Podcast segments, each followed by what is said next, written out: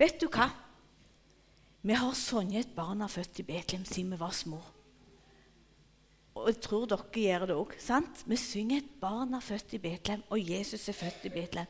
Men Maria og Josef ja, Nå vet ikke jeg om jeg klarer å peke, men dere ser helt oppi toppen der så, på kartet så står det Nasaret. Og der bodde Josef og Maria. Og når eh, Maria skulle fø, så var det ikke sykehus som de skulle til. Det var noen fødekoner som gikk rundt og hjalp, og de bodde altså rundt i Nasaret.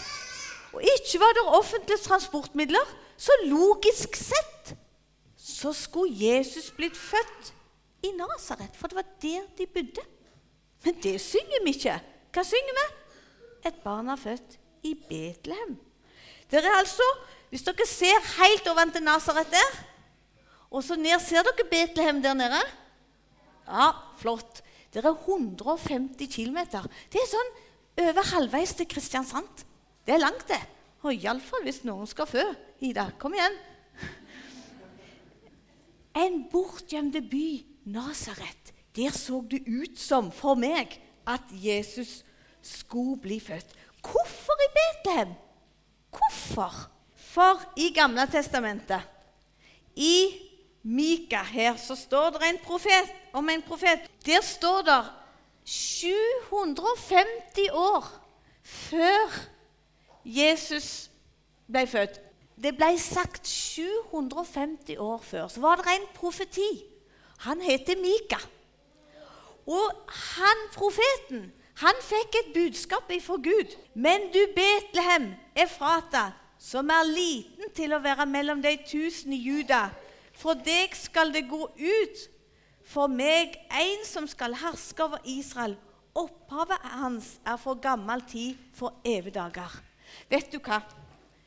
I Mika-boka, i Gamle testamentet, 750 år Det er lenge, det. Før Jesus ble født, så var det en som fikk et budskap fra Gud at Jesus skulle bli født i Betlehem. Men vi sa at Josef og Maria Hvor bodde de henne? Hvor de bodde henne? Ja, nesten. Men de bodde i i Nasaret. Men her står det at han skulle bli født i Betlehem, hadde Gud sagt. sant? Og da så det litt mørkt ut. Jeg tror gjerne ikke Josef og Maria tenkte på det. Men det ser litt mørkt ut. Hvordan skulle dette skje? For vet du hva? Gud han brukte en keiser. En som ikke tror på Gud, så brukte han en. For det står, og det hendte i de dagene, at det gikk ut et bud for keiser Augustus der er han, at all verden skulle skrives i manntall. Dette var den første innskrivinga på den tida Kverinius var landshovding i Syria. Vet du hva? Han ga ut et påbud om folketelling. Og alle gikk for å la seg innskrive hver til sin by. Og Josef drog opp fra Galilea, fra byen Nasaret, til Judea, til Davids by, som heter Betlehem av de han var av Davids hus og ett, og forlar seg skrive inn sammen med Maria, forloveden sin, som var med barn. Og da sa denne keiser Augustus jeg skal ha en folketelling. Og hva er en folketelling? Det var ikke noe personnummer i de der. Men han sa 'Jeg vil vite hvor mange som bor her'. Og så sa han 'Kom til der dere er ifra, stammer ifra, så skriver vi dere inn i ei svær bok. Det er folketelling. Og da måtte alle familiene gå til der som mannen var ifra. Så da skulle familien Berg gå til der som far var ifra. Og så skulle familien Tingbø gå der. Sånn hadde han lagt det opp. Og så var det bare det at Josef han var ifra Davids ett. Og Davids ett, det var i Betlehem. Oldemor til David, det var Ruth. Og så passte nok ikke det helt godt. Jeg tror det passte litt dårlig å reise så langt Hvis du Ida hadde fått beskjed om å gå til Kristiansand nesten halvparten, så tror jeg hun syntes det hadde vært langt. Det var ikke båt Jo, det var det, men du ikke, kunne ikke bruke det. Det var ikke bil, ikke buss, ikke motorsykkel og ikke vanlige sykkel. Hester var bare for kongefolk. Og så han brukte et esel. Og jeg tror gjerne at Maria ble både kvalm og hun tenkte hvorfor i all verden måtte dette skje. Så brukte Gud en keiser. Og så reiste de på keiserens bud. Og så reiste de til Betlehem. Og når de var der hva, De var på ei reis, og hva skjedde? Jesus ble født. Derfor kan vi synge 'Et barn er født i Betlehem'. For det var slik det var sagt 750 år før. Det syns jeg er fantastisk. Se på hva Gud kan bruke. Se her, altså, Nå kommer jo jeg opp her uten sko, men jeg har en sandal med meg. Nå skal du få den av meg. Takk for sandalen. Det kan nå er avtalen slutta. Så nå er avtalen i boks. Det er bra. Så det var altså et sandalbytte i Betlehem eh, ca. 1200 år før Kristus. Og dette sandalbyttet her, det er faktisk en ganske god grunn for at Jesus ble født i Betlehem. Ja, Men kjære venner, for nå må du roe ned. Må du forklare hvorfor? Ja, så Der sitter tolv stykk i byporten i, i, Betlehem. og De eh, snakker sammen. Og de eh, forhandler. Og så blir da disse forhandlingene de blir avslutta med at en av de som er, sitter der i byporten, han tar av seg skoen eller tar av seg sandalen, og så gir han den til Boas. Og så er det tegnet på at en avtale var inngått. Og slik fikk Boas Ruth som si kone. Jo, men kjære venner en avtale. Jeg skjønner det. At det var vanlig å ta av seg skoene når vi ga en avtale. Det, så derfor har jeg fått den. Det skjønner jeg.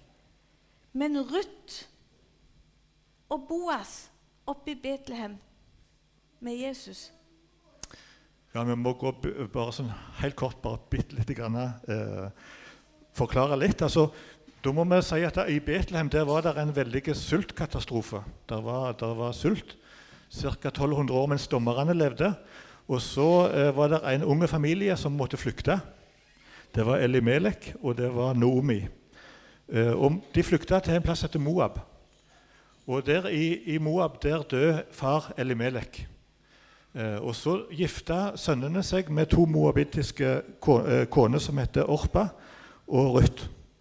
Eh, og Nomi får et nært forhold til, til dem. Men så skjer det en ny familiekrise. Det er at sønnene dør. Og Ruth og Orpa blir sittende igjen som enke sammen med Nomi, som også er enke. Er det dette vi leser om i Ruths bok? Det leser vi om i Ruths bok. Så ta og Les Ruths bok, og så forstår en litt mer av dette. Fire kapittel. Jeg tror du leser gjennom det på 20 minutter. Ja.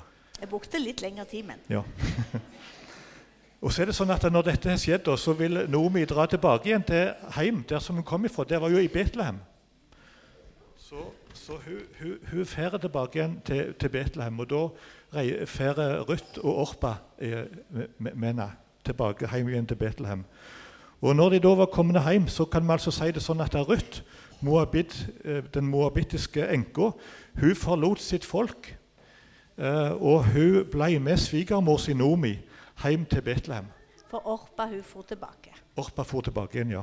Og så var det sånn at Gud hadde gitt loven om en løsningsmann. En løsningsmann. Så den som var nærmest i familien, hadde i oppgave å ta seg av den som ble alene, den som ble ei enke. Du, Er det sånn pensjon, det, da? Ja, kanskje det. Omtrent sånn som jeg vil si pensjon er nå. For det var ingen pensjon på den tida. Da hadde Gud egentlig lagd det til med en pensjonsordning allerede da? Ja. Så det var løsningsmannen. Eh, men nå var det ikke sånn at den som var nærmest, det var den som var nest nærmest i dette tilfellet, som, som var Boas, som, eh, som fikk i oppgave å ta seg av eh, eh, enka Ruth. Og da var det skoen eh, som da var seglet, eller sandalen som var, var seglet på at den avtalen var, var, i boks. Det skjedde i byporten i Betlehem. Han var gysla kjapp òg. Ja. Ja, så det, det var sånn. Men så, og så for å forstå Guds finger oppi dette Det er fantastiske linjer her i Bibelen og en fantastisk eh, historie. Så var det sånn at når, Ruth, når Boas fikk Ruth som sin kone, så fikk de sønnen eh, Obed. Obed han fikk Isai. Og Isai, hvem var det Isai fikk? Hvem var sønnen til Isai? Noen som vet det? Det var David. Så Ruth var altså eh, oldemor til David. Husker dere jeg sa det? At Ruth var oldemor til, til David. Ja. Så, så uh, Ruth var stammor til David. Og dermed blir også Ruth stammor til Jesus, til Messias. Uh, han som ble kalt, ble kalt for Davidssonen og Guds sønn. Han som skulle bli født i Betlehem og virkelig gjøre Guds frelsesplan for oss. Dette var eh, sandalbyttet i Betlehem. Men så syns jeg òg eh, vi kan tenke på et annet sandalbytte. Eh, vi som er her nå i, i, i juletida. Det er ikke bare det sandalbyttet som skjedde i, i Betlehems sin byport år 1200 før Kristus.